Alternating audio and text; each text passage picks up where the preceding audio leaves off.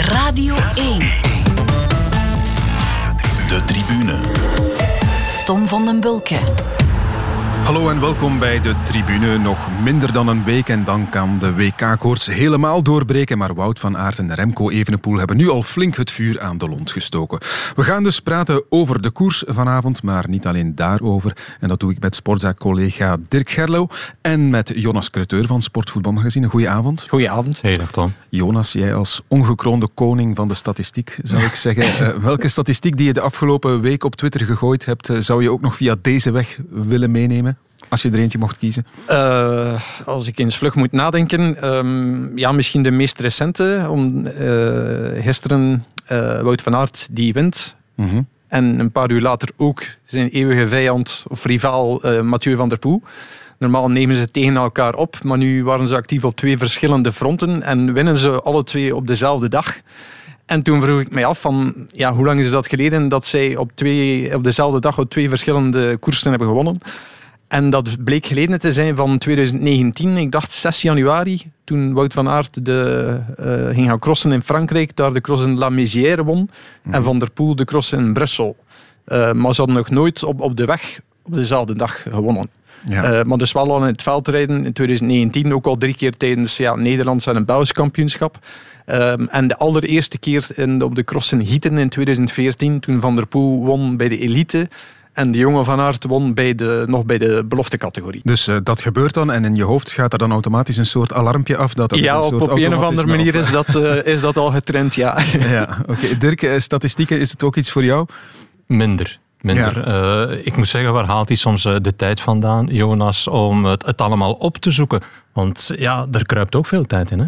Maar het is vooral een kwestie van bijhouden. En dan is het heel makkelijk op te zoeken. Ja. Dat, is, dat is in feite mm-hmm. de kunst. En ook, ook, om dan natuurlijk wel de juiste reflex te hebben van... Ja, is het eigenlijk al eens gebeurd? Mm-hmm. Ja. En, maar zoiets, ja, dat was heel vlug opgezocht. Omdat ik dan...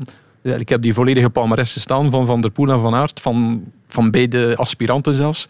En ja. Doe je dat nog met een ouderwetse fichebak zoals onze collega Karel Bertelen of is dat allemaal uh, in de computer? Uh, dat is allemaal computer uh, Excel bestandjes. ja. Dat dacht ik wel. Oké, okay, we gaan naar de momenten van de week. En eerst dat van jou Dirk. Het is meteen ook een kijktip, want we komen uit bij Untold Breaking Point. Een nieuwe documentaire op Netflix. I'm Googling what is anxiety disorder and panic disorder, mental health. I'm listening to talks on YouTube of how to deal with it, how to beat it. Thinking, like, how am I going to get through this? I mean, just basically, I'm, I'm desperate. I didn't know what to do. We hoorden Marty Fish, Amerikaan en ex-tennisser. En het verhaal gaat over de psychische problemen die hij gehad heeft tijdens zijn carrière en die een enorme impact gehad hebben op hem. Ja, zeer zeker. Uh, ik moet zeggen, ik heb al vaak genoten van uh, die, die sportdocumentaires uh, mm-hmm. op Netflix. begonnen met Icarus, je hebt The Last Dance gehad. er is nu ook een, een docu-reeks over Naomi Osaka. We hebben Drive to Survive. El Dia Menos Pensado vond ik fantastisch. Ja over uh, het en zeilen bij Movistar. maar nu, uh, 7 september was de dag dat het verhaal van Marty Fish naar buiten kwam bij Netflix. Marty Fish, hij is nummer 7 geweest op de wereldranglijst in het tennis. Hij is opgegroeid, zeg maar, uh, de generatie na een, een courier. We hadden Sampras gehad, we hadden Agassi gehad. En ja, Amerika was op zoek naar nieuwe toptennissers. En hij is eigenlijk samen met Andy Roddick de volgende in de rij. Dus zij moeten het gaan waarmaken. En je voelt al meteen, er is de druk op de schouders van die twee mannen. En je zag het al, ze komen terecht op de Academy van Saddlebrook, een van de grote tennis academies. En daar is al het principe niet zeuren, niet klagen. Er zijn geen vluchtroutes, jullie moeten doen wat wij zeggen. Mm-hmm. En een tijd lang gaat dat heel, heel goed bij hem. Hij uh, groeit mee. In de schaduw nog altijd wel van Andy Roddick naar de subtop van de wereld. Maar Roddick, ja, die, die wint dan wel de US Open. Die speelt een finale op uh, Wimbledon. En het is net niet bij Marty Fish. En dan komt er een omslag. Hij zegt van ja, oké, ik moet extreme dingen gaan doen als ik die top wil bereiken. En hij gaat enorm fitnessen. Hij vermagert 17 kilogram. Nee, sorry, 14 kilogram mm -hmm. moet ik zeggen. Hij gaat slapen in een hoogtetent. Um, hij traint uh, van s morgens vroeg tot s avonds laat. Komt op een toernooi in Newport. En daarvoor het eerst is hij ook agressief tegenover zijn tegenstander. uh, to crush the opponent. Dat was nu de filosofie. Maar hij verandert dus ook als mens. En hij heeft aanvankelijk succes. Hij klimt, hij wint toernooien, grote toernooien. Hij speelt finales.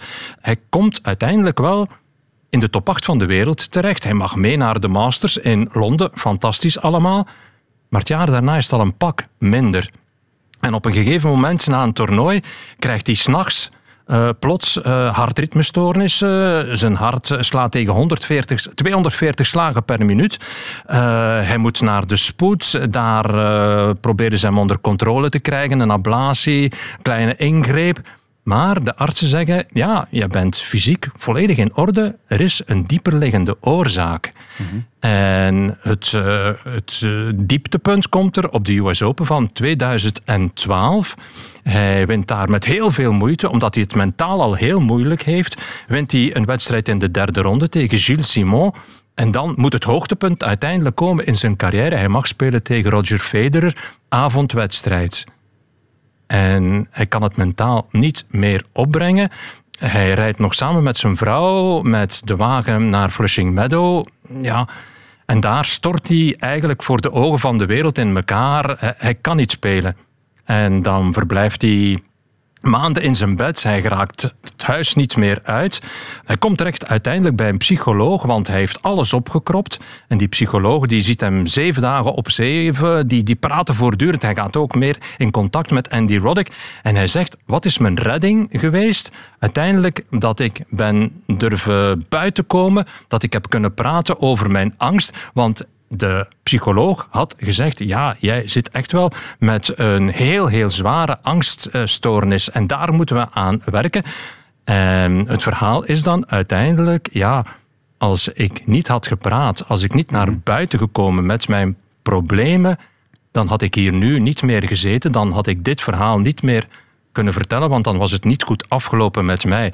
Als je nu kijkt wat we de voorbije maanden hebben meegemaakt met een Naomi Osaka op de Olympische Spelen, met een Simone Biles, ja, dan zie je dat uh, er meer en meer mensen naar buiten komen, ook met hun problemen, dat het niet meer was. Want vroeger was de idee van krop het allemaal op, uh, don't show weakness. En daar is hij nu als een van de eerste mannelijke topsporters mee naar buiten gekomen. Dus uh, voor veel mensen, heel veel mensen in de tenniswereld, ook mannelijke collega's, hebben er heel positief op gereageerd. Dus de vraag is nu, ja, wie is de volgende die ook die stap durft te zetten, die dat durft te vertellen? Nog één keer de titel Untold Breaking Point. Zeer de moeite waard. Zeer de moeite waard. Nieuwe docu dus op Netflix. En dan jouw moment, Jonas. Dat was een uh, prachtig moment uit de ronde van Groot-Brittannië. Vorige week in volle finale van de rit koerste een uh, jongen mee met de kopgroep en al rijdend kreeg hij een drinkbus toegestopt van de Nederlander Pascal Eekhoorn. We face a little bit of a, an attack on the right-hand side of the road from that lad who's technically not allowed to use the pavement. So the, the UCI might have to have a look at that. Technically not, but he's going faster than those riders are at the minute. You're right, it's a big dig. they can't let him get too much of a gap. He might just go. Maybe, maybe went a little bit early. Signs of a little bit of inexperience, but what a what an engine! And the young lad from Hub getting there, there. brilliant, brilliant. moment of the tour so far. Well done to Pascal Enkon. Ja, brilliant. Dat ging over dat moment waarop hij die drinkbus toegestopt kreeg. Het is een filmpje dat uh, viraal gegaan is. En uh, het was ook uh, heel mooi om te zien. En hij ging inderdaad best hard. Hè? Ja, want uh, het verhaal had dat het um, om een jongetje gaat, uh, Xander Graham uit Edinburgh, lid van de Edinburgh Racing Club, die de ochtend voordien nog zilver had behaald op een marge van de British Criterium Series. En dan, en dan in de namiddag met zijn fietsje naar de koers gaat gaan kijken. En dan ja, de, samen met, met de kopgroep de helling opsprint. En dan ja, het fenomenale beeld natuurlijk van, van Pascal Eekhoorn, die dan de, de mooie ingeving heeft om de bidon door te spelen aan, aan de jongen. Um, iets wat uh, want dat mag niet vergeten worden, in het begin van het jaar nog verboden was geweest door, door de UCI, maar dan door de aanpassing uh, nu wel mogelijk is. En, allee, en dat maakt het net zo mooi dat, um, dat die spontane momenten nog kunnen gebeuren. Mm. En uh, mooi is ook dat, dat zijn ouders ook langs de kant van de weg stonden, dat dus niet zagen en uh, nadat het was gebeurd, door vrienden en familie, ja, we werden, werden opgebeld. Ja, heb je de, onze Xander gezien? Onze Xander gezien. Um, ja, is op televisie geweest. En die ouders wisten ook van niks. En ja, dan zie je Twitter en, en social media ja, eigenlijk letterlijk ontploffen. Ik denk dat Pascal Eekhoorn meer reclame en goodwill heeft gekregen dan, dan mocht hij de rit gewonnen hebben. Want misschien uh, zal, niemand nog weten dat, het, dat, dat Yves Lampaard die rit heeft gewonnen. Ja, dat is waar. Um, en het mooie is dat, dat um, de Britse organisatie van, van de Tour of Britain um, dan de ouders en de jongen uh, s'avonds hebben uitgenodigd om de volgende dag de start bij te wonen als VIP van uh, een soort van wijnsponsor. Um, en de jongen had gevraagd van, ja, zou ik dan Pascal Eekhoorn en mijn grootheld Wout van Aert mogen zien? Waarop de organisatie dan gebeld heeft met uh, de teamleiding of de, de entourage van Jumbo-Visma. Ja, mag uh, Alexander Graham even langskomen? En zij hebben dan ja, het, het goede idee gehad om dan de jongen eh, uit te nodigen in de bus, uh, een truitje te geven met alle handtekeningen erop. Op het podium, op het podium mogen, mogen als, als vijfde renner van, van, van de ploeg. En zo zie je hoe je met, met, eigenlijk met slimme communicatie toch kunt inspelen op, op een heel spontaan voorbal.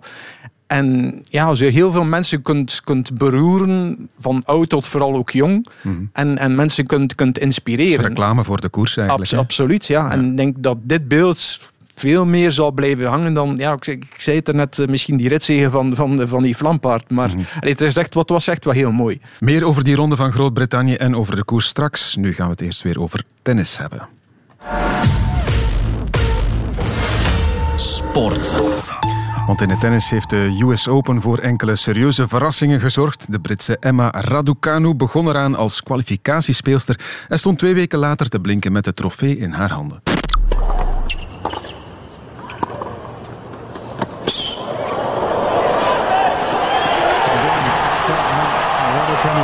Two sets to love, 6-1 and 6-1. it's true. 18-year-old Emma Raducanu from Great Britain who had to come through the qualifier. For me, I don't feel absolutely any pressure. I'm still only 18 years old.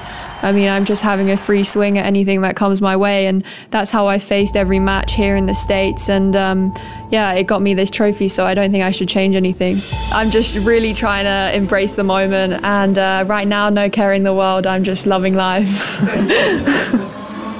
Emma Raducanu, nog maar 18 jaar. Ze is vandaag op de wereldranglijst geklommen van de 150ste naar de 23ste mhm. plaats. Dirk, om te beginnen, ja, als je haar eh, bezig ziet en hoort, je zou niet denken dat ze nog maar 18 is. Hoe ze omgaat met de media, dat was alsof uh, Grand Slam toernooien voor haar dagelijkse kost is. Ja, eh, ze is al een wereldster op dit moment. Ze is vanochtend al ontvangen door ABC. Good, Morning, America. Dus ze is er al te gast geweest. Maar inderdaad, uh, enorm volwassen voor iemand van 18. En ze is uh, onbevangen en ze, heeft perfect weten om te gaan met de immense druk toch ook wel. Hè. Ook in die finale, al die wedstrijden die ze gespeeld heeft zonder een, een set te verliezen. Um, in die finale had ik de indruk dat het publiek toch een beetje meer op de hand was van Leila Fernandez. Um, goede lichaamstaal, nauwelijks negativiteit. Uh, ik heb, haar, uh, ik heb de, de, de laatste drie wedstrijden wel gezien. Uh, ik heb die nooit met een racket weten gooien. Ik heb die nooit onbehouden weten uit te halen. Ehm, ze komt in een moeilijke situatie terecht. Begin van de tweede set, breek achterstand. Ja, ze blijft gewoon weg positief. Hè. Uh, moeilijke slotfase ook. Eerste twee matchpunten weet ze niet te benutten. Ja, dan, dan, dan valt ze, dan die bebloede knie. Moet zich laten verzorgen, want ja, je mag niet spelen met uh, een bebloede knie. Uh, ze blijft daar ook rustig onder. Op dat moment is het publiek ook weer helemaal voor Leila Fernandez. Leila Fernandez, die dan ook nog een beetje gaat reclameren op dat moment. En hoe ze het dan helemaal afmaakt met die ace nog, ja, zeer, zeer indrukwekkend. Uh, Vergeet ook niet, er was niet alleen de druk in het stadion, er was ook de druk vanuit uh, Groot-Brittannië, durf ik denken. Uh, ik heb zaterdagochtend eens naar de voorpagina's gekeken van alle kranten. Ja, wie staat er prominent op elke voorpagina? Of dat het nu de Telegraph of de Times of de hmm. Guardian was, maar dat was de Daily Mail, de Sun. Wie staat er op de voorpagina? Emma Raducanu. Uh, kijk naar de website van de BBC. De wedstrijd werd overgenomen van Amazon Prime. Ze gingen het uitzenden op Channel 4. Dus net zoals in Canada alle druk bij Leila Fernandez lag, lag ook in uh, Groot-Brittannië alle druk bij Raducanu. Ja, ja ik zat, en, kijken, je, ik zat te kijken naar Match of the Day en daar... Ja, Gary Lineker, die begon zelfs te tweeten ook. Hè? Ook over bezig, want ze was live aan het spelen tijdens zijn uitzending. Dus ja, ja dat is ongelooflijk inderdaad. Ja, ja. En, en, dan kwam daar nog eens de druk. Oké, okay, Andy Murray heeft het meegemaakt met Fred Perry. Dat was nog langer geleden, 1936. Maar wie zit er in de tribune? Virginia Wade, de laatste Britse winnares, 1977 van Wimbledon. Dus al die druk die op haar schouders ligt, en ja, het was inderdaad uh, alsof ze een gewone wedstrijd stond te tennissen. Hè. Je zag af en toe, zeker in de slotfase, dat het wat moeilijker werd. Maar hoe ze dat allemaal beheerste, ja, dat is bepaald indrukwekkend. Ja, ze is de jongste Grand Slam winnares sinds eh, Maria Sharapova in 2004, die 17 was toen ze Wimbledon won. Zou je kunnen zeggen dat Raducanu de nieuwe Sharapova kan worden? Tennis, het uh, charisma, de looks ook? Ja, ja, er is al heel veel gezegd over de looks. Dat viel mij op. Ook in de kranten ging het al meteen vooral over de looks van ja. Raducanu, minder over haar tennis. Ja, dat is mhm. natuurlijk misschien wel de verkeerde insteek. en uh, oké, okay, Sharapova, vergeet niet, 2004, uh, ze was al eens de nieuwkomer van het jaar geweest, Sharapova. Die had al een paar toernooien gewonnen. Op het moment dat ze Wimbledon won, stond ze al wel in de top 20 van de wereld, Maria Sharapova. Maar wat zag je dan ook bij Sharapova? Dat het wel even geduurd heeft voor ze haar tweede Grand Slam gewonnen heeft. We spreken 2004, maar ik denk het was pas najaar van 2006 dat ze de US Open wint. Dus uh, we hebben nu de, voorbije twee, drie seizoenen telkens maar nieuwe namen gehad. Hey, we hebben Krejcikova, Sviontek, Osaka, Andreescu, Kennen, noem ze allemaal maar op. Maar ja, de bevestiging is nooit meteen gekomen. Dus nu is het gewoon zaak van een heel goede omkadering te hebben. Ze heeft een heel goede trainer, Andrew Richardson.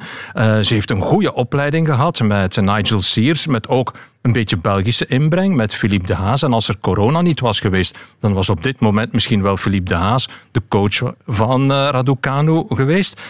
Maar ja, nu gewoon haar even wat ademruimte geven en haar laten groeien. Want dat mhm. tennis is nog niet compleet. Ze gaat nu uh, helemaal anders bekeken worden door de buitenwereld, maar ook door haar tegenstanders. Er gaat onwaarschijnlijk veel op haar afkomen. Iedereen die een Grand Slam wint, die zegt van vanaf vandaag verandert mijn leven. Dus dat gaat voor Raducanu niet anders zijn. Ja, wat denk jij, uh, Jonas? A Star is Born? Want ja, hoe je het draait of keert, die star quality heeft ze Blijkbaar wel, hè? lijkt ze toch te hebben. Ja, ja die star quality heeft ze ontegensprekelijk. Uh, ze heeft de look, ze heeft de welbespraaktheid. Um, ze heeft ook de multiculturele achtergrond niet te vergeten. Mm ik dacht de Roemeense vader, Chinese moeder. Um, ze sprak gisteren al uh, in het Mandarijns, haar tweede taal, want ze spreekt die taal tegen haar moeder uh, op Weibo, dus de Chinese internetplatform. Uh, waarschijnlijk ja, voor x honderden miljoenen Chinezen of tientallen miljoenen Chinezen. Dus die markt heeft ze ook al binnen, bij wijze van spreken. Want ze heeft trouwens ook dezelfde manager, had ik gelezen, als Sharapova. Um, die ja, Sharapova ook ja, eh, vermarkt heeft en, en zoveel miljoenen daaruit gehaald heeft. Maar allee, dat is in feite maar een, een zijzaak. Uh, want ja, zoals Dirk ook vertelt, um, het, het, gaat vooral over, over het tennis. En ik ben vooral als... ja, niet de grootste kenner, maar ik, ik ben vooral wel onder de indruk van haar zeer standvastige uh, tennis met, met, met, met die forehand, die uh, Philippe de Haas trouwens blijkbaar ook heeft ja, bijgesleuteld. Uh, vooral de grip, de grip dan veranderd om het meer consistent mm -hmm. te maken en meer bestand te maken tegenover het hogere tempo en, en de snelheid in, in, bij het, in het seniorenniveau. En ook fysiek lijkt ze mij heel erg standvastig, evenwichtig, laag bij de grond. Um, misschien op, op termijn meer mogelijkheden dan, dan de kleinere Leila Fernandes, die dan misschien iets vreler oogt. Um, dus ik, ik denk dat ze, als ze goed begeleid wordt, want dat is uh, misschien punt nummer één, dat zij wel heel ver kan geraken. Maar dat dachten we ook van Naomi Osaka. Zij had dan ook vier Grand Slam toernooien gewonnen ja, en ze heeft daar dan ook de mentale tol voor betaald. En de vraag is in hoeverre zij dan wel al dan niet nog terugkomt. Er staat natuurlijk ook een heel goed hoofd op. Ja. tot uh, een paar weken geleden, ja, voor Wimbledon, stond ze niet eens in de top 350 eh, van de wereld. En was ze volop bezig met het afwerken van haar laatste jaar van de middelbare school. Hè. En ze is met grote onderscheiding eruit gekomen. Dus er staat een heel goed hoofd op. En als het niet zou gelukt zijn met de tenniscarrière, oké, dan zou ik wel naar de UNIF zijn gegaan. Hè. Dus eh, oké, het is niet de hele focus op het tennis. Nu gaat dat natuurlijk wel veranderen, maar eh, ja, eh, de manier waarop ze tennis ook. ehm, er zijn al een paar specialisten waar ik me zeker niet toe reken, die zeggen, ja, ze heeft een soort van helikoptervisie. Alsof ze het van bovenuit allemaal bekijkt en dat ze heel goed weet wat de tegenstander gaat doen. Wat we een beetje zien bij Medvedev, bij de mannen, ja, heel goed weten te anticiperen. En je had het daarnet over die voorhand, eh, Jonas. Inderdaad, daar heeft Philippe de Haas hard aan gewerkt. Eh, een andere grip, eh, ook een beetje meer gewicht in, in de steel van het racket, waardoor je meer kracht kunt genereren. Maar dan lees ik bijvoorbeeld bij een Mats Wielander, ja, oké, ik zie niet veel zwakke punten meer bij, eh, bij haar, maar waar moet ze nog aan werken? Aan haar voorhand. Dus ja, zelfs de specialisten Ja. zijn het er niet over eens. Hè. Nog één ding. ehm, ze wint de US Open zonder onderweg ook maar één set te verliezen. Ze komt uit de kwalificaties dus. Ja, hoe kan dat eigenlijk? Want dat was tot nu nog nooit gebeurd. Nee, ja, oké, er zijn er wel al die vanuit de kwalificaties in de halve finales van een Grand Slam toernooi zijn geraakt. Denk aan onze eigen Philippe de Wolf, Ja. Roland Garros, waar dan uiteindelijk hij geklopt wordt door Gustavo Kuerten. Kurten. Ehm, dus dat is al vaker gebeurd. Nu, ik moet ook zeggen, als je de parcoursen vergelijkt van Leila Fernandez en Raducanu, dan moet je zeggen dat het net iets makkelijker parcours toch wel bij Raducanu lag. Eh, Fernandez moest eerst voorbij Osaka, ze moest voorbij Ja, twee Grand Slam winnaressen, twee ex-nummer 1. Dan moest ze voorbij Svitolina, toch ook top 5 in de wereld. Dan moest ze ook nog voorbij Sabalenka, de nummer 2. Dus ja, het vat was misschien al een heel klein beetje af, ook bij Fernandez, mentaal en fysiek. Terwijl Raducanu aan de andere kant, ja oké, okay, wel heeft gehad, maar ja, dat parcours oogde toch wel iets lichter. En je zag uiteindelijk, ondanks het feit dat ze die drie kwalificatiewedstrijden had moeten spelen, had ze veel minder lang op de baan moeten staan dan Leila Fernandez. We hebben het ook een beetje gezien bij de mannen. Ja. Over naar die mannenfinale, inderdaad. Dat uh, was een finale die Novak Djokovic het record van 21 Grand Slam zegens moest uh, opleveren. Maar dat was dan buiten de rust Daniel Medvedev gerekend. Medvedev. Three sets to love. 6-4, 6-4, 6-4. Well, first of all, um, I think it's the first time I'm so nervous saying my speech. I mean, first of all, I want to say sorry uh, for you fans and Novak because I mean we we all know what he was going for today. I was thinking uh, in both scenarios, kind of visualizing myself standing here in front of you guys and what would I say, and uh, I would like to say that tonight, even though I have not won the match, my heart is filled with joy and I'm the happiest man alive because you guys made me feel very special on the court. Geen record voor Djokovic en 2021 is niet het jaar geworden waarin hij alle Grand Slam toernooien heeft gewonnen. Het was uh, drie keer 6-4 in de finale. Waar is het fout gelopen? Um, ik denk niet in de finale, maar al veel vroeger. Mm -hmm. Ik denk dat het eigenlijk al begonnen is na Wimbledon met de Olympische Spelen, waar hij dacht van oké, okay, dat is mijn volgende stap in de Golden Slam. Want hij had gedacht, oké, okay, als Steffi Graaf dat kan, dan kan ik dat ook. Alle vier de Grand Slams, ja, plus, plus, ook nog eens, plus nog eens de Spelen. Ja. En ja, daar halve finale tegen Zverev. Hij verliest die wedstrijd. Daar al begeeft hij een beetje mentaal.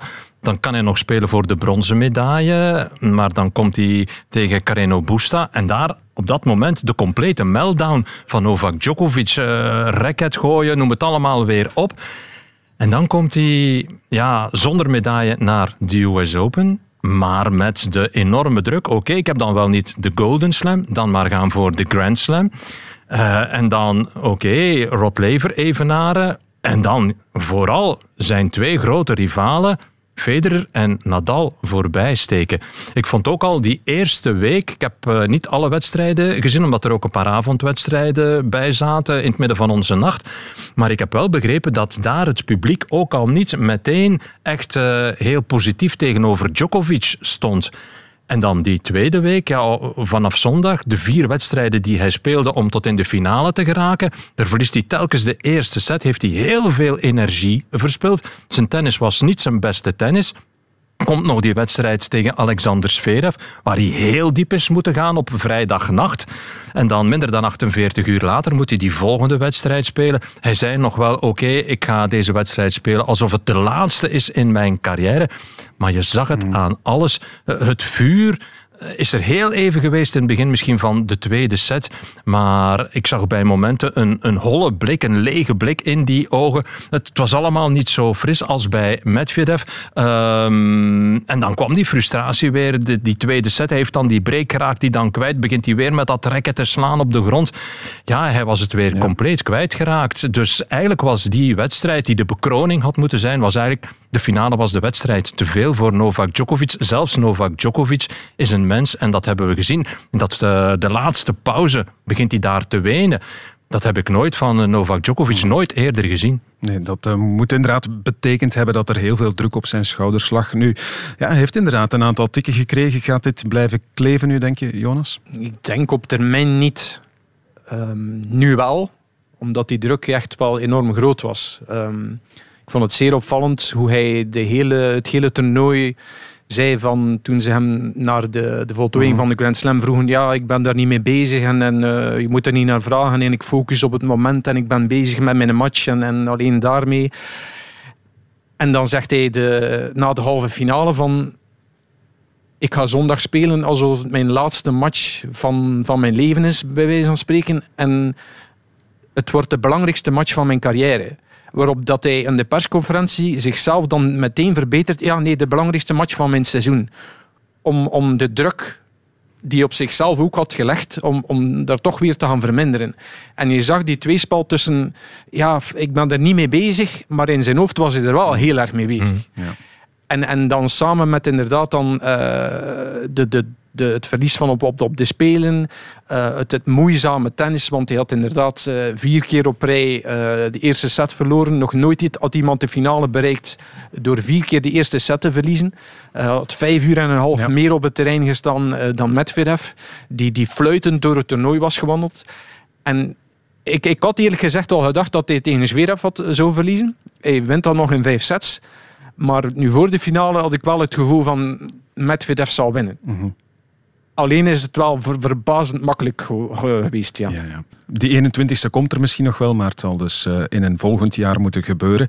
We blijven nog even bij tennis. Niet te lang, want we moeten ook nog de koers behandelen natuurlijk. Maar uh, los van die US Open was er nog wel meer tennisnieuws. Met om te beginnen het bericht dat David Goffin dit jaar geen wedstrijden meer zal spelen. Hi guys, uh, David here. Just a quick video to tell you that unfortunately I won't be able to compete again this year in 2021. It's been a tough year with some injuries with my ankle earlier this year and um, and my knee is bothering me for too long now. So I took the decision not to um, to play again to compete uh, this year. I hope to see you soon until the end of the season, of course, and then uh, I see you for sure in 2022 on the court with. Uh, an amazing energy and uh, a strong body. Bye guys. Bye bye, zei hij. David Goffin, nog altijd onze beste Belgische tennisser, Dirk. Maar de sukkelstraat waar hij in zit uh, blijkt al maar langer te worden. Wimbledon speelde hij niet. Op de andere drie Grand Slam toernooien er telkens uit in de eerste ronde. Ja, um, het gaat niet goed natuurlijk, maar waar eindigt het uh, sukkelstraatje ooit? Of uh, moeten we stilaan denken dat het uh, echt einde verhaal wordt voor David Goffin? Dat zal volledig van David Goffin afhangen, denk ik. Hè. Um, hij trouwt van het weekend of, of het weekend mm. daarna. Daarom gaat hij ook niet mee met de Davis Cup. Oké, hij is uh, geblesseerd, hij is aan het revalideren.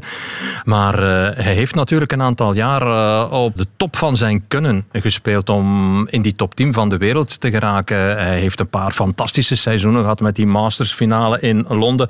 Meteen daarna gevolgd door de Davis Cup finale waar hij België uiteindelijk wel tot in een vijfde wedstrijd brengt in Rijssel tegen Frankrijk.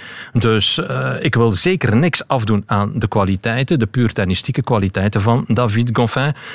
Maar er zijn ook een aantal andere zaken in zijn leven bijgekomen. En dat is onder andere ja, zijn, zijn familie, zijn vriendenkring. Uh, het is niet alles focus op het mhm. tennis. Ik herinner me uh, de dag voor Roland Garros begon, dit jaar. En ik ging kijken naar de training van Rafael Nadal. En ik zag Rafael Nadal s ochtends trainen. Ik ging smiddags eens kijken op een andere baan. Wie staat daar te trainen? Rafael Nadal een intensiteit onwaarschijnlijk. Rafael Nadal, ondertussen wel al vier jaar ouder, bijna vijf jaar ouder dan Goffin. Ik zie ook dat uh, op dezelfde dag David Goffin gaat trainen. En ik zie hem trainen tegen uh, Auger Aliassim.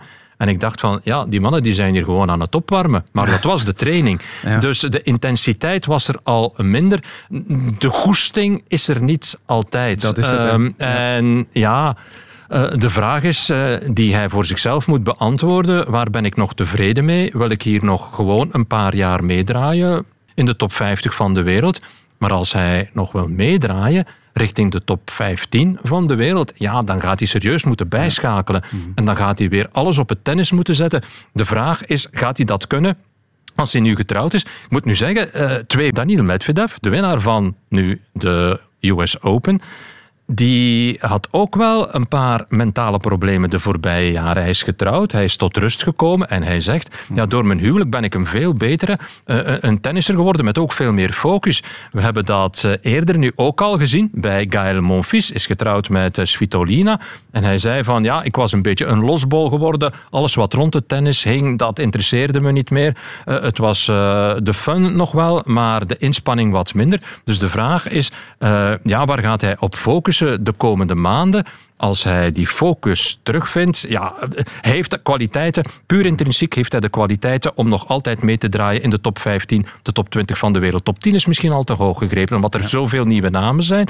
Maar hij zal vooral de intrinsieke goesting moeten terugvinden om het harde werk te verrichten. Want er moet enorm hard gewerkt worden om in die top 10 terug te geraken.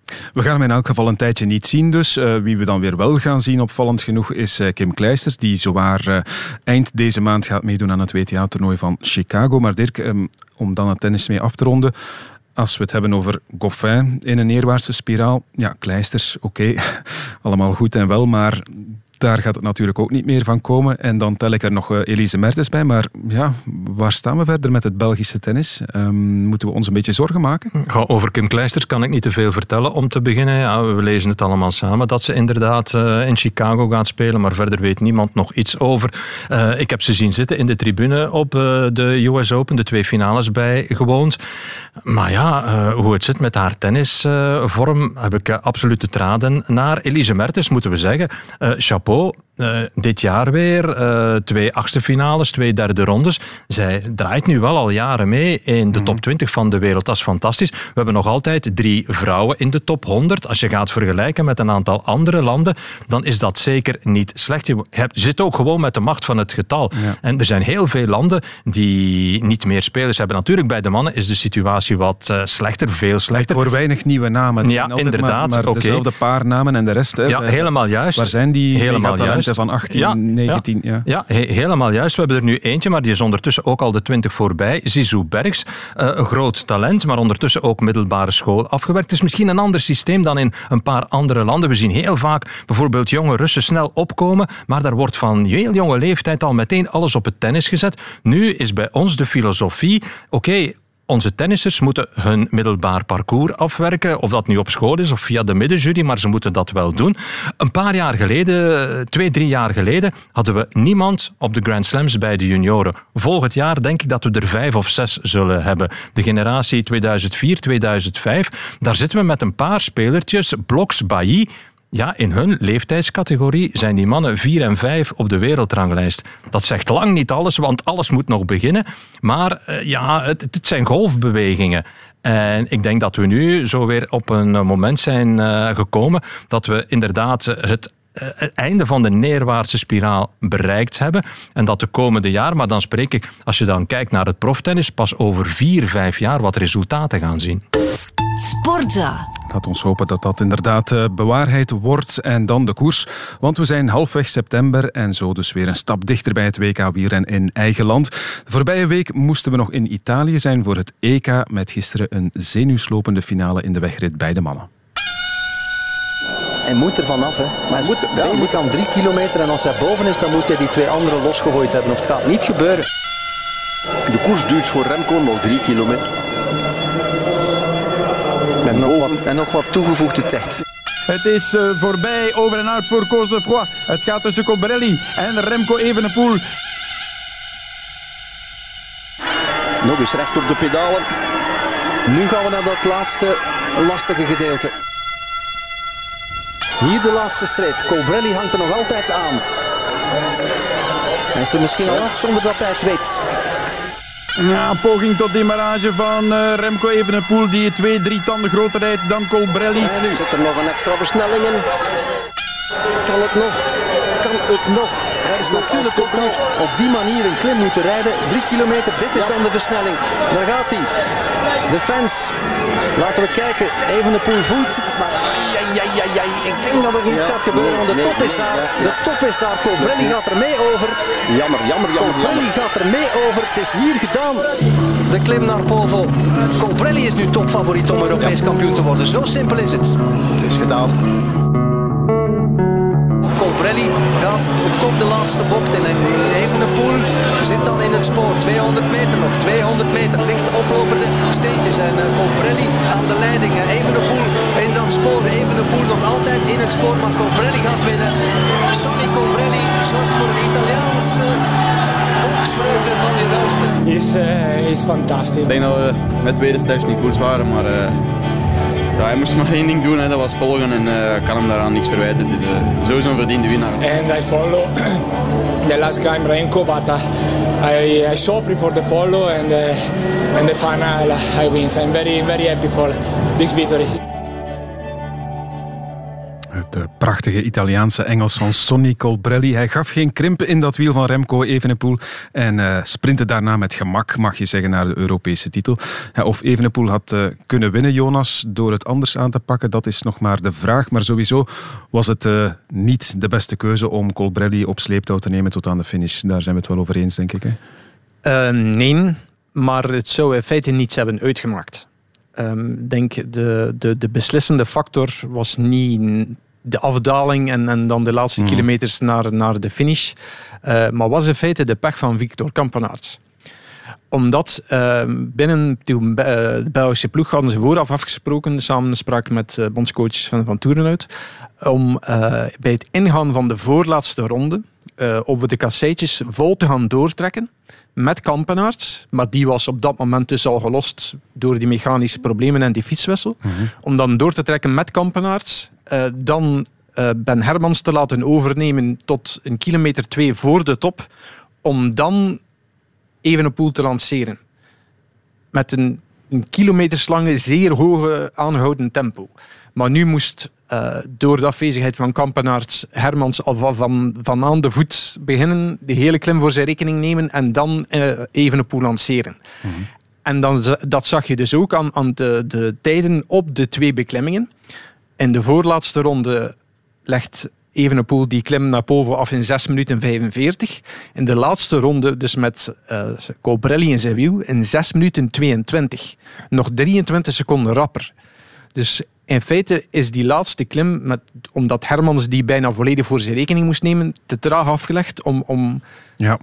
Iedereen overboord te gooien, wat in feite de bedoeling was. Dus het plan is eigenlijk een beetje in elkaar gestuikt door die pech door van die pech van, van, anders, van anders hadden we misschien wel misschien, een andere koers. Allee, voor hetzelfde geld was... grotere was, impact kunnen hebben op het koersverloop eerder nog dan dat inderdaad uh, Evenepoel ja, na die slotklim zeg maar de kop opgedrongen had aan uh, Colbrelli of... Uh, ja, ja, ja, hij, ja, hij had het zo moeten spelen, maar ja, en, maar dat was minstens zijn kans. Misschien was zijn kans nu 1%. Mm-hmm. En, want hij had gehoopt dat Colbrelli misschien nog zou verkrampen in de sprint. Maar ja. dat, dat leek me zeer onwaarschijnlijk. Hij had misschien nog, nog 10 of 5 of 10 procent kans gehad als hij had gewacht op Cosnefroid. Om het dan eventueel ja, wat tactisch te gaan uitspelen en proberen te demareren en te hokken dat de een van de twee naar de andere zou kijken. Ja. Maar ja, sowieso, zelfs als Cosnefroid er was, was bijgekomen en zelfs als nog de achtervolgende groep was bijgekomen, dan was Colbrelli nog altijd de snelste geweest van, van, van die kopgroep. Dus ja, het is in feite een, een zinloze discussie. Maar het geeft wel aan dat, um, dat Evenepoel zijn temperament, en dat is misschien nog zijn grootste werkpunt, onder bedwang moet houden. Als Sven van Toerenhout, de bondscoach, komt zeggen, letterlijk naast hem komt rijden en zegt van benen stilhouden, alleen nog versnellen, proberen te versnellen en Remco slaat die raad of dat bevel in de wind, ja, dat is wel een probleem ook dan, dan zijn, zijn beweging na de koers. En, nou, dat is frustratie. Dat, dat, is, allee, dat kan dat ik wel begrijpen, want je rijdt daar kilometers lang ja, met voilà, dat, die het wil overnemen en dan word je er dik opgelegd in de sprint. Ja, ja dat, dat, allee, dat kan ik ook begrijpen als, als 21 jaar en ik zou als 21 jaar misschien ook zo gereageerd hebben. En ik vond dat hij op het podium daar eigenlijk uh, redelijk goed mee omging. nu, uh, Sven van Toernout komt ernaast rijden, maar net daarvoor was ook al de Italiaanse bondscoach uh, naast Colbrelli komen rijden en die had ook al gezegd, hey, geen meter overpakken. Hè. Dus ja, het was catch-22. Hè. Ja. ja, want het, eigenlijk is het opvallende is dat, dat, dat Evenepoel dan de opvliegende renner is en dat dan Soli Cobrelli, de Italiaan, dan de kalme renner is. Terwijl je het misschien omgekeerd zou het Ja, maar Cobrelli is de doorgewinterde prof die, die perfect weet van hoe, hoe dat dit moet spelen en heeft tot het ook perfect gespeeld. Zeker. Het goede nieuws is uh, brons en zilver voor Evenepoel op een toch sterk bezet EK. Dat is toch andere koek dan uh, pakweg uh, de druivenkoers of de Ronde van Denemarken. Hij is terug helemaal de oude, denk ik wel. vraag is nu richting het WK. Welke rol geef je hem daar? Oké, in dienst van Wout van Aert, dat zegt hij zelf ook, dat dat zal gebeuren. Maar dan nog zijn er veel opties, denk ik, hè, om, om met hem aan de slag te gaan. Hou je hem zo lang mogelijk bij Wout van Aert? Of stuur je hem vroeg in de aanval om de rest af te matten? Ik denk niet dat je hem eh, heel vroeg in de aanval moet sturen. Hè. En hij gaat ook geen kopwerk moeten doen in de eerste 100 kilometer. Hè. We hebben Tim de mhm. Klerk. Hè. Maar uh, inderdaad, zo lang mogelijk bij Wout van Aert blijven, lijkt mij de, de logische beslissing. Hè. Ja. Al vraag ik me dan wel af, oké, er zijn afspraken gemaakt hè, op voorhand, er wordt ook een bedrag uitgesproken als Van Aert wint, wordt Evenepoel betaald, et cetera, et cetera. Maar stel in volle finale, Remco zit nog bij Wout en Asgreen rijdt weg. Alaphilippe rijdt weg. Ja, tuurlijk. Ja. Twee ja, ploegmaats. Het, Gaat hij dan, ja, echt, hij dan het gat dichtrijden? Dat is het eeuwigdurende verhaal van kampioenschappen met uh, ook nog renners die ja, voor een merkenploeg rijden. Hè. Dat is altijd hetzelfde. Maar het viel mij gisteren wel op dat hij spontaan, zonder dat iemand hem de mhm. vraag stelde, dat hij spontaan zelf zei van ik heb nu mijn kans gehad, ik ga nu alles doen voor Wout van Aert. En hij weet natuurlijk ook wat er gebeurd is in Tokio. Hè? Daar heeft hij te veel cavalier gespeeld. Ja, ja, ja. Want allee, dat is hem niet een dank afgenomen. binnen de ploeg niet een dank afgenomen. Dat hij daar ook Cavalier heeft gespeeld, de, de ploegtactiek een beetje in de wind verslagen. Dus, dus hij weet nu heel goed van, als ik nu niet de richtlijnen opvolg, dat hij, en, en, van, en Van Aert wordt geen wereldkampioen, maar als Van Aert dan wereldkampioen wordt, dan wordt alles weer met de mantel de liefde bedekt. Maar als het dan fout loopt, dat, dat ja... ja. Welke conclusies kunnen we nog trekken na de voorbije week? Het wordt België tegen Italië op het WK. En met, Denemarken. Met Denemarken inderdaad als eh, derde topland. Van haar tegen Colbrelli. En dan heb je inderdaad ook nog een hele sterke Deense blok. Ja, ik denk eh, dat je dat Deense blok niet mag, mag onderschatten. Hè. Dus uh, met Pedersen, met Asgreen, met Magnus Kortnieuws, niet te vergeten. Vooral die laatste is Ja, ja, die, die was echt vorm, zeer, zeer indrukwekkend in, in, uh, in de Vuelta. In de Vuelta. op alle terreinen.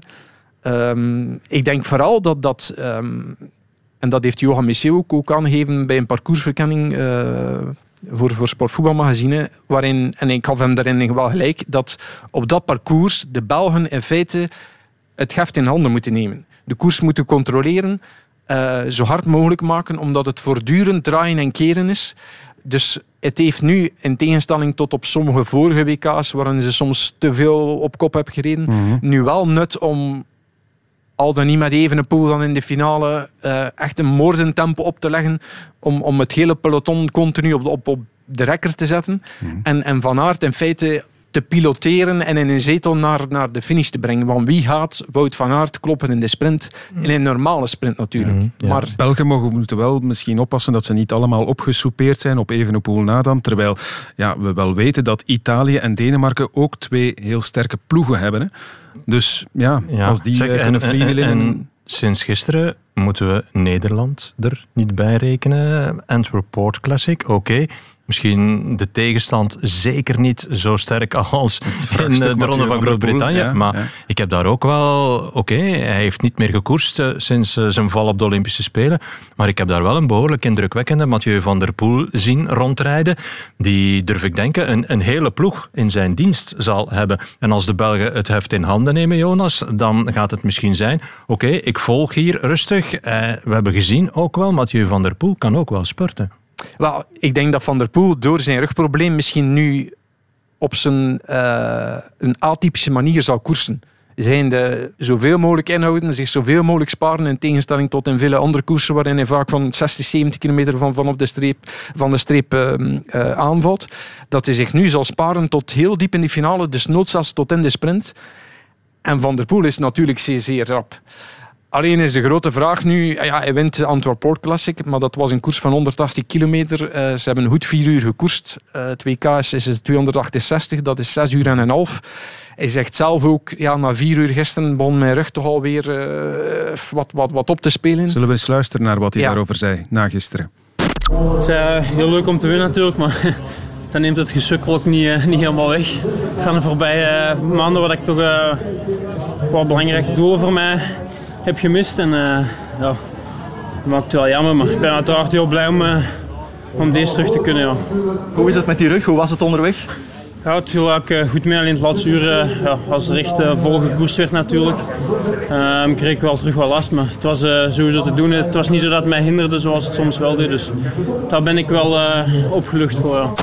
Ja, hij weet het nog niet zeker, maar... Klinkt redelijk geruststellend. Het klinkt inderdaad wel alsof hij dit niet gaat laten passeren. Hè? Nee, denk het niet. Ja, die rug, ja. Is het een Ja, goed iedereen idee als die nog niet laatste uur van de 100%, koers ook, ja, is het een goed idee als die nog niet 100% is om ja, er toch, het toch maar op te wagen? Wel, ik heb ehm, eh, even mijn osteopaat geraadpleegd. en eh dus hij heeft me sym- symptomen voorgelegd die eh, Van der Poel en, en zijn entourage de voorbije weken hebben aangegeven in de media. En ehm, hij vertelde mij dat het zou, met nadruk op zou, want hij heeft natuurlijk ook geen inzage in zijn ehm, medisch, medisch dossier, dat het zou gaan om een soort een zogenaamde discus bunging. Dus geen discus hernia, maar een discus bunging, ehm, waarbij de tussenwervelschijf over het grote gedeelte uitpuilt. En niet op één bepaald punt, zoals bij een hernia. Eh, je kan het vergelijken met, met, eh, met, een, met een, eh, een hamburger die tussen twee broodjes steekt en de hamburger die over de hele omtrek, om de ja. hele omtrek Ja, uitsteekt. Ja. Als dan te veel druk op die onderrug wordt gezet, mede door die voortdurende afwisseling van weg, veldrijden, mountainbike, ehm, en, er is, en er zit te weinig vocht in die tussenwervelschijf, dan gaat die, die tussenwervelschijf uitpuilen, gaan ontsteken, nog meer beginnen zwellen en dan nog meer druk zetten op die zenuw. Het probleem is dat je dat op een scan, in tegenstelling tot bij een hernia, waar dat dus op één bepaald punt tegen de zenuw wordt gedrukt, dat je dat amper of niet kunt zien. Het goede nieuws is dat je dat wel met medicatie, inspuiting, behandeling bij de kinesist eh, of de osteopaat, met eh, stabilisatieoefeningen, dat kunt oplossen en weer klachtenvrij kunt krijgen. Maar niet op 1, 2, 3. Maar dat is niet op 1, 2, 3 gebeurd. En, en dat is een, allee, een probleem dat zal blijven terugkeren. Ja. Maar ook een probleem, en, en dat wordt soms wel vergeten, dit is niet iets van de jongste maanden, maar al iets van vele jaren. Hè. Dus toen, toen Van der Poel in 2013 wereldkampioen werd bij de junioren, had, had hij die week eh, de tijdrit gereden, was hij daar maar 50ste geworden. Oorzaak rugklachten. En in de, de jaren daarna is het heel vaak voorgekomen dat je, dat je artikels las van oei, ja, Van der Poel, ja, ik heb wel last van mijn rug enzovoort. Dit is een probleem dat al vele jaren aansleept en nu van de zomer nog erger is geworden, mede door dan die val in Tokio. Tot zover dokter Creteur. Ja, voor zover ik daar veel van ken. Ja, ja, ja, maar zeker een aandachtspunt, eh, zoveel is zeker voor Mathieu van der Poel, die rug. En dan is hij toch nog een beetje een vraagteken voor dat WK. Wie eh, alle vraagtekens weggegomd heeft, dat is eh, deze man. On Alaphilippe shakes his head, looks round, sees the Belgian national champion there. Wout van Aert does what he does and wins again. 200 metres to go. How can they possibly stop Wout van Aert here? These two doing a brilliant battle at the top of the Great Hall. Van Aert ah, Van Aert. alongside Alaphilippe. Van Aert over the line. Van Aert being led out by Hayter. Will those two go clear? Here comes Hayter opening up his sprint with Van Aert alongside him. Van Aert, it's inevitable. Hayter picks up second place. Van Aert from Cavendish's wheel. Hayter alongside Van Aert. Van Aert looking for room. Van Aert finding room. Van Aert sprinting for the line. Van Aert wins. Vier ritzeges en de eindwinst in de ronde van Groot-Brittannië. Hoe straf is dat? Eh, wel, als ik nog een, even een statistiekje mag Wel, ja, ertussen we zijn ermee begonnen, we gaan er ook mee Ja, afronden. voilà. Ehm, het is al geleden van 2006 dat er een Belg, zijn de Tom Bonen, vier ritzeges en de eindzege had behaald in een rittenkoers. Zijn de, de Ronde van Qatar. Maar dat was ja, in, in vier massasprinten, weliswaar soms na een waaierslag. En het indrukwekkende aan Van Aert nu was vooral dat hij vier sprinten wint op vier verschillende manieren. Op een lichthellende aankomst, op een zeer steile aankomst, à la de muur van Hoei, tegen de hyperspecialist op dat soort beklimmingen van eh Alaphilippe. Eh, de sprint van een klein groepje na een heuvelachtige finale. En dan, dan eh, echte zondag massasprint. een pure massasprint waarin hij ja, in, in de laatste 100 meter als, als Caleb Ewan eruit komt en, en nog eh, Gruipelen en Cavendish schitterend remonteert. En vooral dat, dat nummer op, op die steile puist. Ja, puist kan je het niet noemen, want het, is, bij- het was bijna twee kilometer lang met, met percentages tot 20% Hoe hij daar alle Philippe klopt, ja, dat, dat, dat was echt indrukwekkend. Ehm, ik, ik weet dat, achter zijn naam, ja, denk ik, hè? Ik Ja. weet dat hij daar ehm, zijn beste waarden ooit heeft getrapt op over, over vijf minuten in, in een koers. Ja. Dus dat geeft aan hoe goed Van Aert nu op dit moment is. Maar dat is natuurlijk ook geen garantie dat hij binnen twee weken heb je nooit, maar ik denk. Dirk, ons vertrouwen in de wereldtitel is eh, zelden zo groot geweest als nu. Ja, eh, maar hadden we dat vertrouwen ook niet een paar weken geleden? Na eh, onder andere de, de tijdrit die hij won Ja. in de, de slotweek van de Ronde van Frankrijk. Na de slotrit op de Champs-Élysées. Er was maar één man die Olympisch kampioen kon worden en dat was Wout van Aert. Dus je zit altijd met de wedstrijdomstandigheden. Er zijn zoveel dingen die niet te voorzien zijn. Ja, inderdaad, op papier is er niemand die hem kan kloppen. Maar eh, ja, we zullen het zien over twee weken zondag. En over één week al, komende Ja, zondag. tijdrit. De tijdrit eerst, want wie weet eh, zit daar ook wel een wereldtitel aan vast voor Wout van Aert. Maar goed, we gaan het niet allemaal in zijn schoenen schuiven. we hebben ook nog eh, Remco Evenepoel natuurlijk in die tijdrit. Komende zondag, dan beginnen we eraan aan dat WK. En deze week is er ook Champions League. Club Brugge, Paris Saint-Germain, Ja, daar ja. kijken we ook naar uit. Dankjewel Dirk Gerlo, dankjewel Jonas Kreteur.